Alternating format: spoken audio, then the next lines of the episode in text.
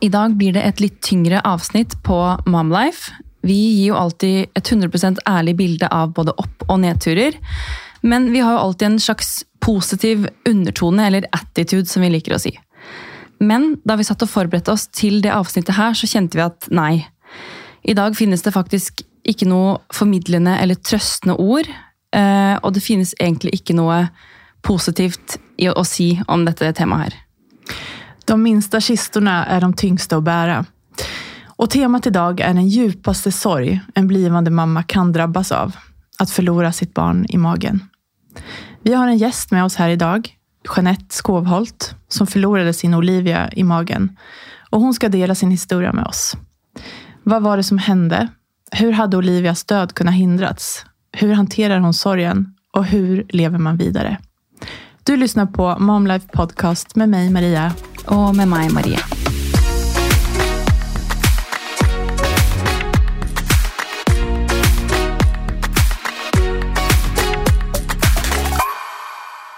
Hej Jeanette. Hej. Välkommen hit. Tack. Vill du börja med å berätta litt om deg selv? Ja. Um, jeg heter Jeanette Skåvold. Oh, unnskyld, det blir som Det er følsomt med en gang. Jeg er eh, 38 år. Mamma til Olivia og Henry. Og bor eh, litt utenfor Lillestrøm. Jeg jobber i juridisk avdeling i Skattedirektoratet og er utdannet revisor. Hvordan kjennes det å være her i dag? Det er ganske langt utenfor komfortsonen, egentlig. Eh, Både medie og tema. Men jeg føler hadde noen gjort det, og jeg hadde hørt på, så hadde jeg jo hatt to barn hos meg i dag. Eh, Og ikke bare ett jeg kjører i barnehagen. Og, Eh, og det er jo årsaken til at hun døde, er jo så relevant og så lett å unngå. Um, hun var jo frisk og er begravet. Og hvis én mamma kan gå og ta en urinprøve og unngå det, som følge av at jeg er her, så syns jeg at det er eh, verdt det.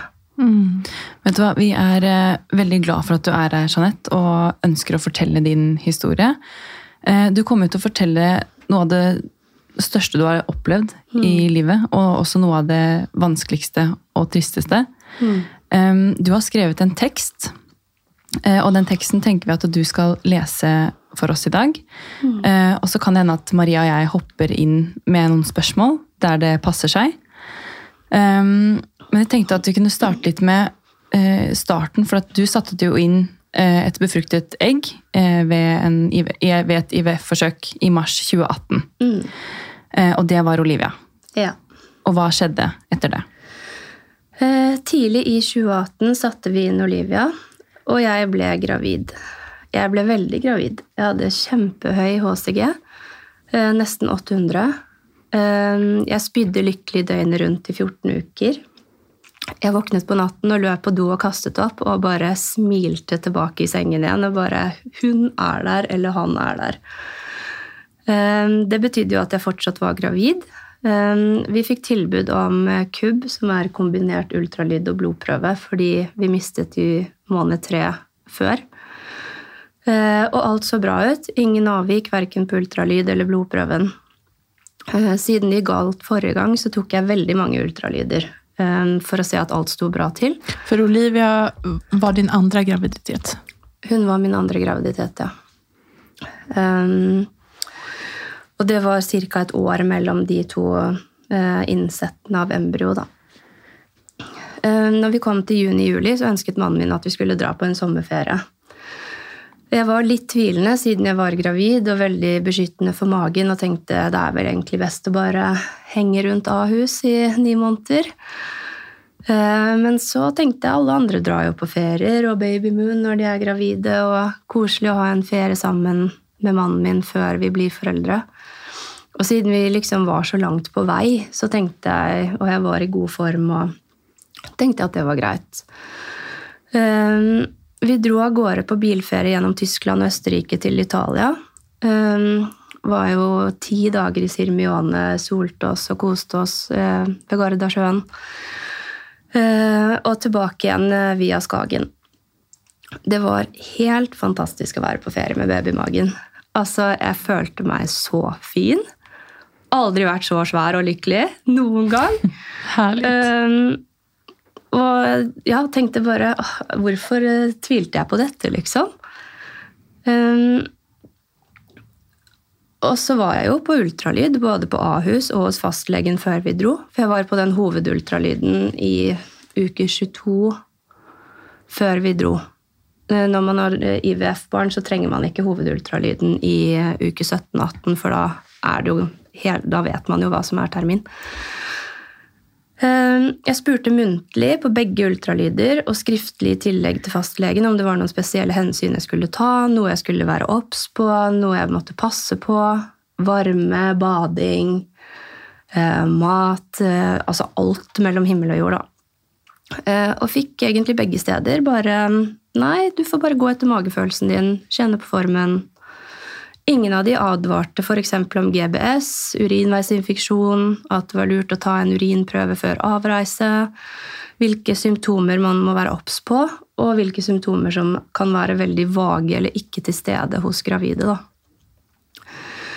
Eh, Da vi var i Skagen og skulle reise hjem dagen etter, begynte jeg å få litt murringer i magen og tenkte kanskje det var kynnere. Hadde jo lest i appen at kynnere kunne jo være litt sånn gjentagende og murrende og Ja. Og hadde jo ikke vært eh, gravid så lenge før. Hvor langt var du på vei här? Eh, Da var jeg nesten seks måneder på vei.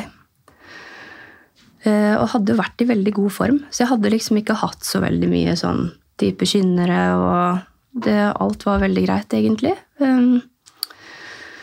Det eneste jeg hadde veldig insomni. Det har jeg hatt i alle tre graviditetene. da. Ikke sovet noe særlig. Men eh, ellers vært eh, helt topp form etter at jeg sluttet å kaste, opp i uke 14. da. Um, og jeg hadde jo også tidvis under ferien helt eh, blankt, tynt utflod, som jeg googlet meg fram til at det var helt vanlig. Leste på alle mulige sånn Ja, jeg må kjøpe masse bind og Men nå har jeg jo lest i ettertid at det kan være lekkende fostervann. Burde vært sjekket opp. Um, jeg tenkte egentlig ikke noe videre over det. Sånn, jeg googlet jo alt sammen. Um, jeg hadde litt vondt i korsryggen. eh, Og tenkte at det var fordi jeg var tung og gikk med flipflops på brosten hele ferien. Og ja, tenkte det eh, Koblet ikke at dette kunne være de vage tegnene på en urinveisinfeksjon. da. Eh, Om morgenen vi skulle dra, så hadde ikke murringene gitt seg. Og de var, det jeg ser i ettertid, litt rytmiske. Eh, Jeg ser jo i ettertid at man stenger jo ute varselsignalene. Det er liksom bare Dette går fint. dette går bra, liksom. Eh, Men siden dette var første graviditet som har gått så langt, så slo det meg ikke å koble noen av disse tingene sammen. da. Jeg var bare veldig klar for å komme meg til Norge og dra rett på Ahus. Det slo meg heller ikke at jeg burde kanskje dratt på sykehus i Danmark, da. Eh, Da båten til Larvik var dratt av gårde, så fikk jeg vel egentlig rier. Um, og hadde det hele turen, men hjernen min prøvde å slå det bort. Til slutt så innser vi jo at det, det er jo en full going on-fødsel, egentlig. Eh, og Petter ringer til sykehuset. Det var altså en jævlig våttur. Jeg satt på et lite bord i en restaurant og hadde rier i flere timer. Eh, prøvde å skjule det. Eh, tårene trillet, ikke sant? Eh,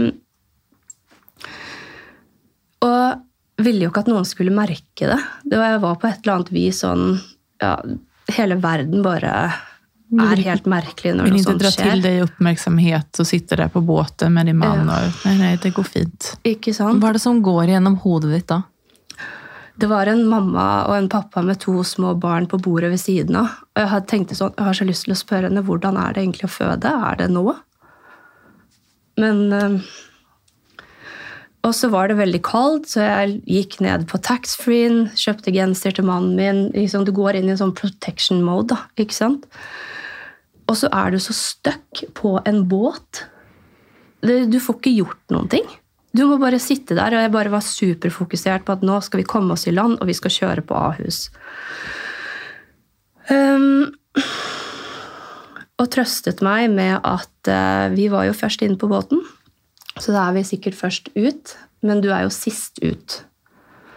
Og det var fullt politi, passkontroll av alle bilene, alle måtte lukke opp bagasjeluken, og det var jo Det var bare helt sjokkafullt, da.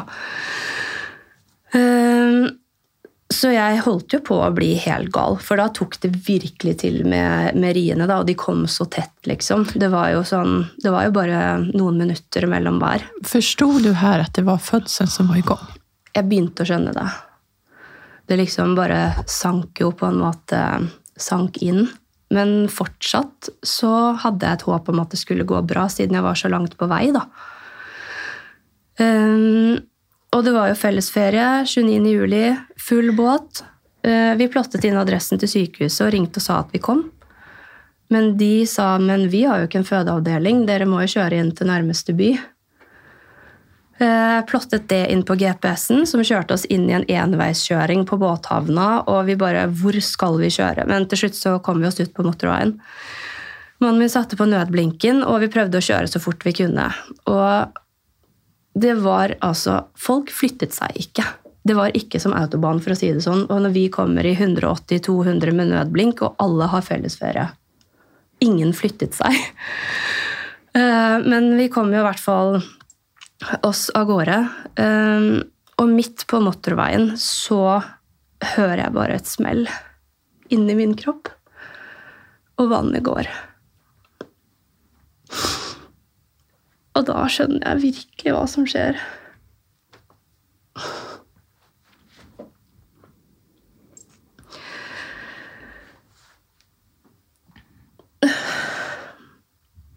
Og den smerten den er så rå og ubeskrivelig. Akkurat det øyeblikket hjemsøkte meg gjennom hele graviditeten med Henry også. Jeg hørte det smellet igjen og igjen. Du hørte fysisk en smell? Ja. Og det var så høyt. Jeg bare hørte det til Petter. Men han gjorde jo selvfølgelig ikke det. Han konsentrerte seg om å kjøre. Og jeg skriker som jeg aldri har skreket før. Det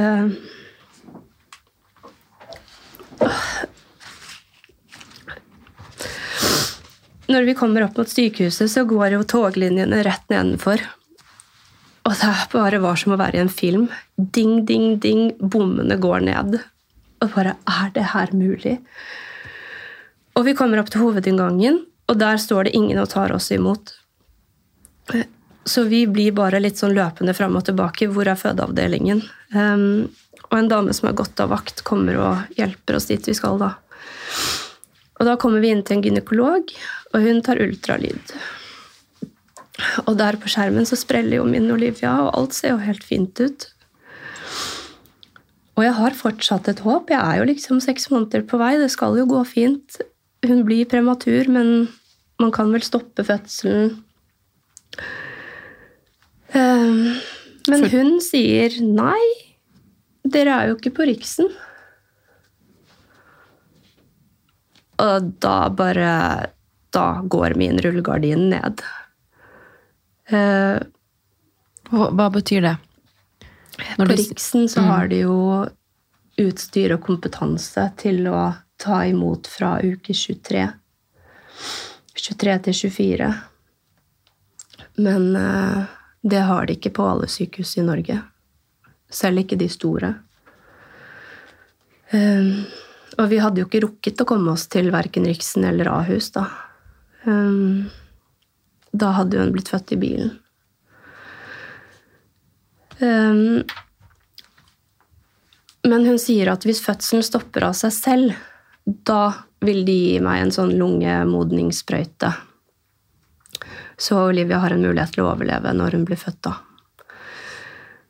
Um, for her så de at fødselen var i gang, at hun skulle komme, eller de hoppades på at den skulle stoppe opp? De, visste, de kunne ikke si sikkert hva som skulle hende her? jo, fødselen var i gang, så hun sa fødselen må stoppe av seg selv. Mm, av seg selv. Mm. Så på dette tidspunktet så var du på en fødeavdeling. Ja, Mm. det var jeg. Og vi tok ultralyd, og eh, jeg er litt usikker på Jeg husker ikke om hun sjekket åpning eller ikke. Um, men um, fødselen stoppet jo ikke. Det vannet fosset jo bare ut. Og jeg hadde tetterier. Og mannen min sitter og ser på Olivia på skjermen og bare trygler gynekologen om å redde henne. Men hun oppfattes egentlig helt iskald for oss. Og det som er helt forferdelig, er jo at i ettertid så har mannen min fortalt at han følte hun ga han skylden for det som skjedde. At hun gav din mann Mm. skulden? Hvorfor det? Jeg har ikke spurt noe videre om det. Men det syns jeg var helt grusomt, for eh, det samme følte jo jeg også. Sånn, hvis ikke kroppen din ordner opp selv, så dør barnet ditt. Fins det ingen hjelp å få her? Nei. Um, Du føler deg veldig sånn overprisgitt eh, til omstendighetene, da.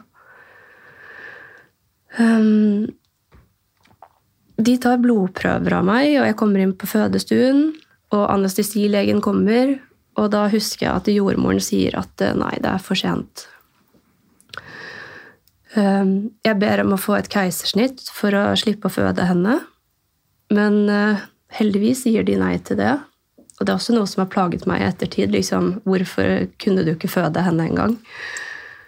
Um, man får jo ekstremt mye skyldfølelse når du ikke har klart å ta vare på barnet ditt. Da. Ikke sant? Du har én oppgave, og det er å bringe henne frem levende til denne verden. Um, og fødselen går kjemperaskt. Jeg har tetterier, og når mor, jordmoren sier at nå kan du presse, da skjedde det ingenting. Det virket som hele kroppen min bare ble helt uh, paralysert. Det bare Jeg klarte ikke å bevege en muskel. Og da kjente jeg plutselig bare at hodet hennes kom ned gjennom bekkenet. Liksom, et barn kommer enten du vil eller ikke til slutt, da. Ehm, og i det øyeblikket hun forlot kroppen min, da skjønte sjelen min at hun var borte.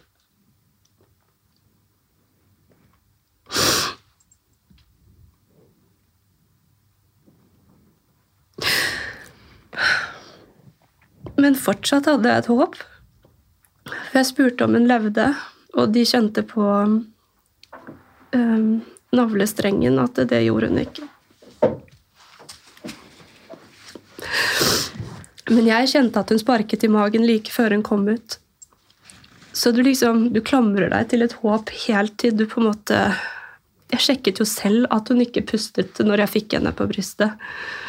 Og du hadde jo fått se, se henne på skjermen også her ved Mm. undersökningen innan. Ja, og jeg kjente at hun sparket i magen før hun ble født, så jeg tenkte liksom, det kan jo gå bra. Um, de konstaterer at det er en jente, spør hva hun heter, og legger henne på brystet mitt. Og det øyeblikket er egentlig veldig vanskelig å beskrive. Jeg har jo blitt mamma. Jeg har født. Um, hun er varm og ser helt ut som en vanlig baby. Hun er jo en vanlig baby. Men hun puster ikke. Um, hun har normal farge. Det er ingenting som tyder på at hun er død. Um, men hun har jo øynene lukket, og hun gråter jo ikke. Um, og jeg har henne der lenge. Og jeg tenkte liksom Så store føtter du har egentlig. Og så store hender du har. um, min vakre Olivia var 29 cm og 540 gram. Um, 20 cm hodeomkrets. Stor nok til å overleve, men hun tålte ikke å bli født da. Um, så må jeg legge henne ned i en liten kurv. Uh, de syntes jeg holdt henne lenge nok, men jeg hadde ikke veldig lyst til å gi henne fra meg. Men jeg gjør som jeg blir fortalt. Og jeg angrer så veldig på at jeg ikke tok bilder da med en gang, når hun så, så helt vanlig ut. da. Ser ut som en liten, perfekt liten baby. Um, og det var veldig rart å kjenne liksom Det var også en ting som plaget meg i ettertid, at hun ble jo kald på meg til slutt. Liksom at jeg ikke klarte å holde henne varm. Um, vi ble overført til et familierom hvor de hadde glemt å ta ut alle babytingene. Det også føltes som en sånn Å ligge der og se på den tomme babytrilleboksen. Og det er også noe man bør slippe å oppleve. Sykehusene bør til ha litt mer backup for de som opplever å miste barnet sitt. da. Et rom uten noe utstyr i og ja, et venterom uten gravide. Eh, vi ble også spurt om vi ville ha egen grav eller minnelund rett etter fødselen. Eh, mange sånne praktiske ting. Det er noe man egentlig bør få ta stilling til noen måneder etter, og ikke timer. Jeg angrer hver eneste dag på at hun ikke ligger i en egen grav. Men det var ikke jeg som tok det valget. Um, mannen min satt i en stol resten av natten og så ut vinduet mens jeg fikk noe å sove på. Da jeg våknet, var det et øyeblikk jeg ikke husket alt som hadde skjedd. Um, men så bare kjenner jeg at magen er flat. Gynekologen kommer inn og fortalte at blodprøvene viste at jeg hadde en urinveisinfeksjon som mest sannsynlig hadde vært langvarig, og førte til at jeg plutselig fødte. Obduksjonsresultatene viste også det. Uh, Olivia var frisk, men jeg hadde oppvekst av GBS, som medfører urinveisinfeksjon. Og når denne får gå for lenge i kroppen uten behandling, så kan man plutselig gå i fødsel. Dette ante jeg absolutt ingenting om. Det var en blindsone jeg bare ikke var klar over. En liten urinprøve før ferien hadde påvist dette, og en liten antibiotikakur hadde reddet Olivia. Men i Norge så sjekker de ikke urin mellom uke 12 og uke 24 i den offentlige svangerskapsoppfølgingen.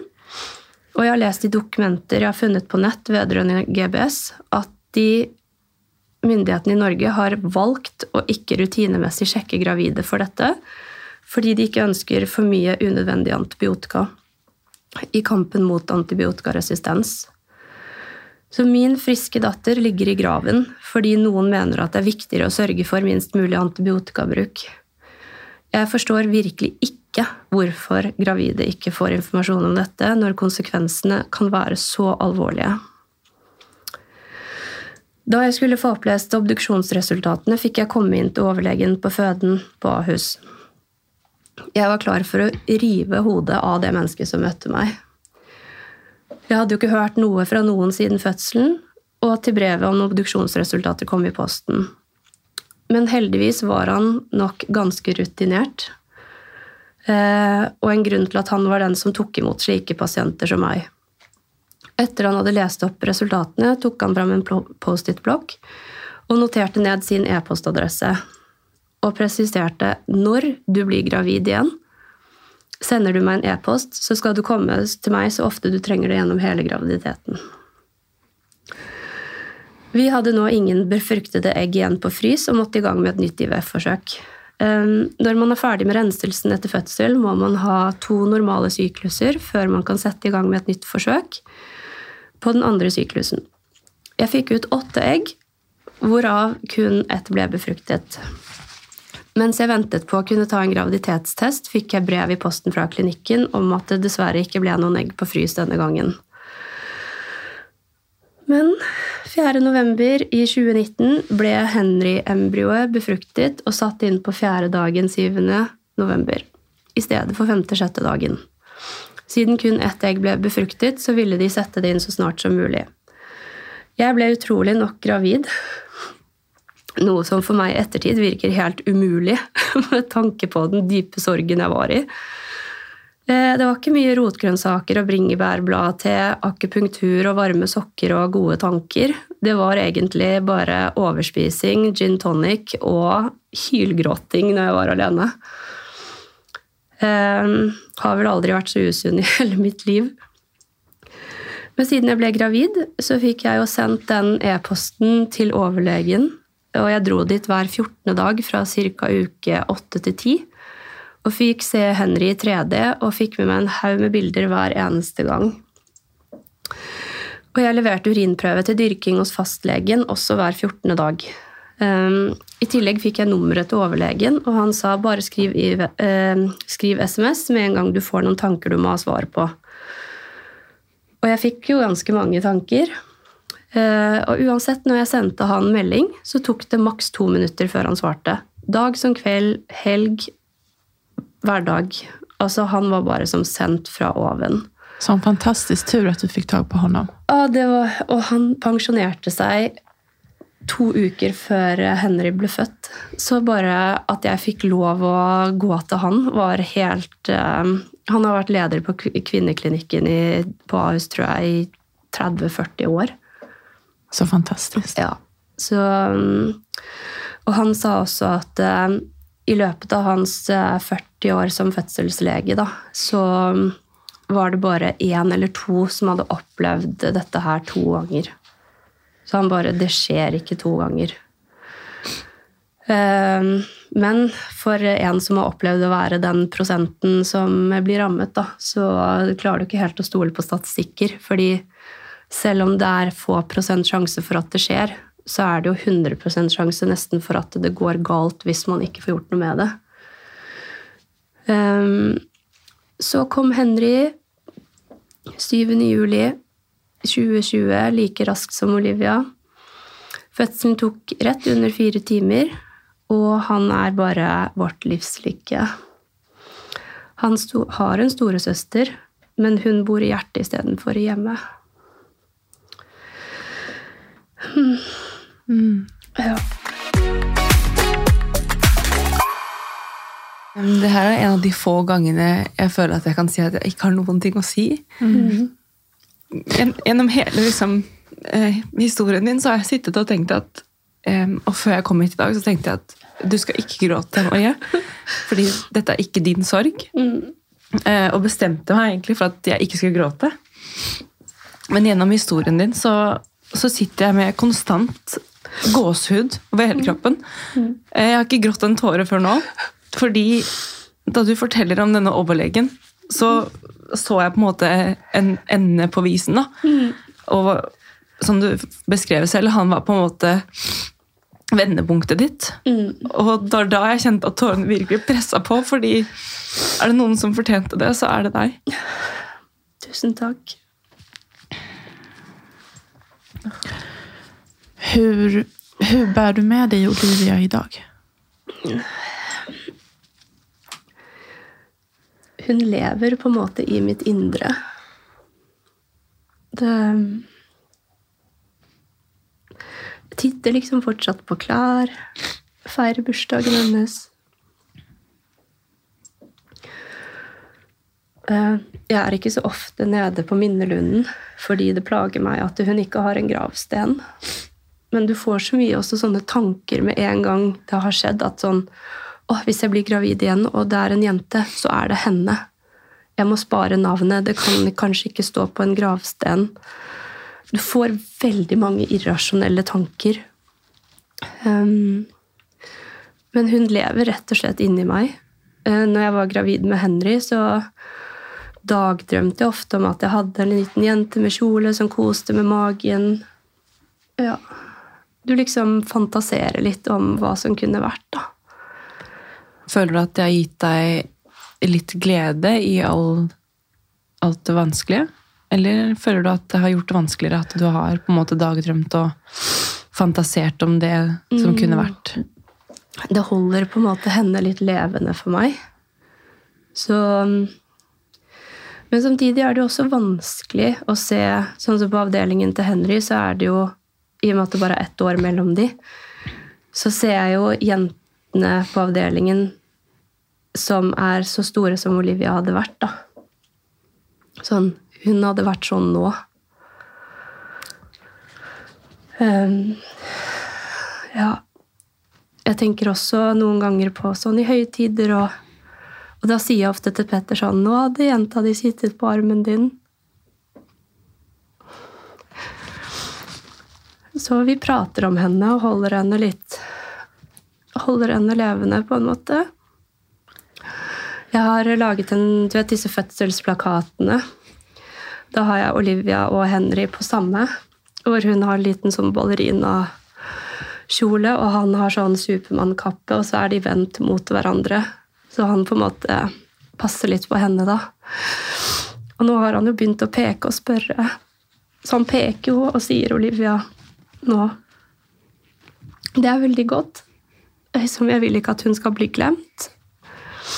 Og det er også kanskje en av de største tingene som jeg var redd for, var at hun skulle bli glemt. da. At ingen skulle tenke på henne. For hun eksisterte jo. Hun var jo et menneske for meg. Så Ja. Hun kommer aldri bli glemt. Nei. Ja. Så det er veldig koselig da at Petter kjøper liksom kake og lys og blomster på bursdagen hennes. Det var veldig spesielt å spise kake med Henry på bursdagen hennes i fjor. Mm. Hvilke råd har du til andre som har forlorat sitt barn i magen? Jeg syns det er så vanskelig å gi, fordi det er så personlig. Um, noen klarer å ta imot hjelp og har godt av det. Um, jeg klarte ikke å ta imot noe hjelp fordi jeg syns jeg ikke fortjente det. Jeg syns ikke jeg fortjente å bli mett, så jeg spiste meg ikke mett på lenge. Um, fordi barnet mitt kunne jo ikke spise, og jeg skyldte på meg selv for det. Du får veldig mange irrasjonelle tanker. Så jeg tenker man er nødt til å bare Jeg har ikke noe annet råd enn bare å komme seg gjennom det. Fordi dagene går enten du vil eller ikke. Um, på et eller annet tidspunkt så kommer jo kommer man jo til et sted hvor man lever med det på en annen måte enn når man er i sorgprosessen. Selv om jeg føler at den prosessen aldri tar slutt, så er jo på en måte den vanskeligste delen er jo over. Um, Hva har du gjort på en typisk dag som du føler at har vært eh, veldig dårlig? Og så skal du Hva har du gjort for deg selv, på en måte? Har du klart å ta vare på deg selv? nei. Egentlig ikke. Um, de dagene er vel kanskje de dagene du ikke er veldig snill mot deg selv. Fordi du straffer deg selv for at du mistet barnet ditt. da. For at du ikke klarte å beskytte det. Eh, du overanalyserer jo alt som har vært, ikke sant? Og tenker 'hvorfor koblet jeg ikke disse ulike tegnene'? Hvorfor ringte jeg ikke til rett person? Mm, ja. Det er ekstremt mye selvfølelse som Eller skyldfølelse som eh, kanskje for meg er det største å bearbeide, da, er at jeg følte at det var min feil. Får du noe hjelp, eller oppsøk, har du oppsøkt noe hjelp i etterkant? Nei. Prater du med noen? Nei, jeg har ikke det. det for eh, det som kanskje var min hjelp, var jo han overlegen på Ahus, da, som støttet meg gjennom hele fødselen, og som svarte på alle mine spørsmål, tok ned alle mine frykter, så han fungerte vel egentlig som en slags psykolog, kanskje også. Eh, han ga meg det jeg trengte. Og når jeg fikk Henry, så trengte jeg jo ingen annen enn han. Eh, det som jeg syns var veldig trøstende å lese i ettertid, da, var at de fleste som mister et barn, er gravid igjen i løpet av et halvt eller et år. Om det er sant eller ikke, det vet jeg ikke. Men uh, for meg så var det sånn Det ga meg ekstremt håp, da. At uh, det faktisk er vanlig å bli gravid igjen, da. Fint av han overlekeren også, som du berettet om når han skrev på Post-It-lappen. Ja. Han skrev ikke om du blir gravid, han skrev når du blir gravid. igjen. Ja, det også. Eh, og han sa jo at eh, ja, når du er forbi uke åtte til ti, da er det verste gjort den uke tolv er med en margin, da. Um, nå vet jeg ikke om han sa det for å trøste meg eller få meg gjennom de siste ukene til uke tolv hvor man føler man er um, Men det også følte jeg hjalp at han sa, da. At liksom, nå er du over de mest farefulle stepsene i graviditeten, da. Um, men å miste et barn, det er bare det jævligste man opplever. Um, helt umulig å sette seg inn i, og takk lov for det. Hvis ikke så hadde alle barn gått rundt med hjelm og knebeskyttere og Det er så bra at man ikke klarer å sette seg inn i det. Fordi Man hadde blitt så redd for barna sine. Og det Man kan jo ikke Verden må jo gå videre. Så um, jeg er ikke takknemlig for at jeg opplevde det. Jeg er ikke en erfaring rikere. Det er ikke noe jeg skal være glad for fordi Henry er her. Uh, man må bare kalle en spade for en spade. Å miste et barn er helt jævlig. Det er det verste man kan oppleve, og det er ikke naturlig. Det er naturstridig. Du får et sår i sjelen som aldri lukker seg igjen. Um, du blir rett og slett litt skadet for livet. Men um, man kan føle lykke igjen, og det gjør jeg. Nå smiler alle rundt bordet her. Mm. Eh, som sagt mm. tidligere i episoden her, så er det veldig lite som føles riktig å si. Eh, Jeg kjenner meg litt tom. Mm. Eh, Ibland rekker ikke ordene til. Nei. Og så er det bare. Så får det være. Men en ting jeg har lyst til å si til deg, er takk for at du kom hit i dag. Og at du, eh, du viser en styrke ved å fortelle historien din. Og det syns jeg er, det står respekt av. Takk. Nei, det, um, det tok ganske lang tid å klare å egentlig skrive ned de ordene for å forklare dere på en måte hva som hadde skjedd, da. Um, og når jeg skulle prøve den første gangen for noen uker siden, så ble det en liten tekst til Olivia i stedet. Um, det var godt å kunne skrive til henne, fordi man legger jo lokk på veldig mye i hverdagen for at sorgen ikke skal ta overhånd. Og det er heller ikke rettferdig mot Henry, som fortjener en lykkelig og tilstedeværende mamma. Um, så det ble sånn her Til min kjære Olivia. Hvis kjærlighet kunne reddet deg, hadde du levd for evig. Hvis kjærlighet kunne reddet deg, hadde du pustet da du ble lagt på mitt bryst. Hvis kjærlighet kunne reddet deg, hadde øyeblikket du kom til verden, ikke vært starten på en livslang sorg. Du var alt jeg kunne tenke meg. Du var så fin og så perfekt og så vakker. Den lille munnen med de fine leppene. Den lille spisse haken din. Jeg åpnet munnen din for å se ansiktsmimikken, og da så jeg den lille tungen din. Som aldri skulle få treffe mitt bryst, og som aldri skulle få smake på melken kroppen min hadde laget til deg. Jeg elsket deg så ufattelig høyt, og den kjærligheten er like sterk i dag. Når jeg ser på barneklær, ser jeg fortsatt på klær til deg. Jeg feirer bursdagen din, og jeg hører på video av hjertelyden din.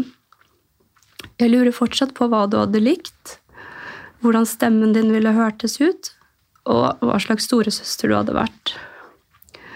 Du mangler, kjære Olivia min. Du mangler her hos meg. Du mangler i livet mitt, og du mangler i hverdagen min. Du mangler på fanget mitt, men du bor i hjertet mitt. Mamma elsker deg herfra til evigheten og til vi ses igjen. Du er mitt første barn, min første kjærlighet og min største sorg.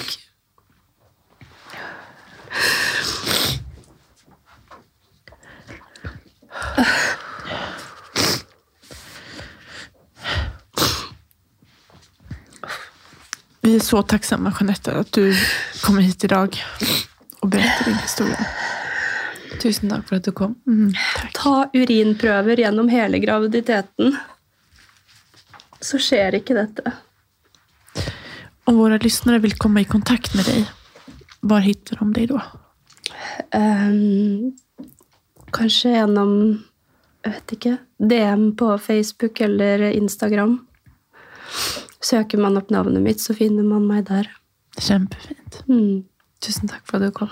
Takk, Jeanette. Takk for meg.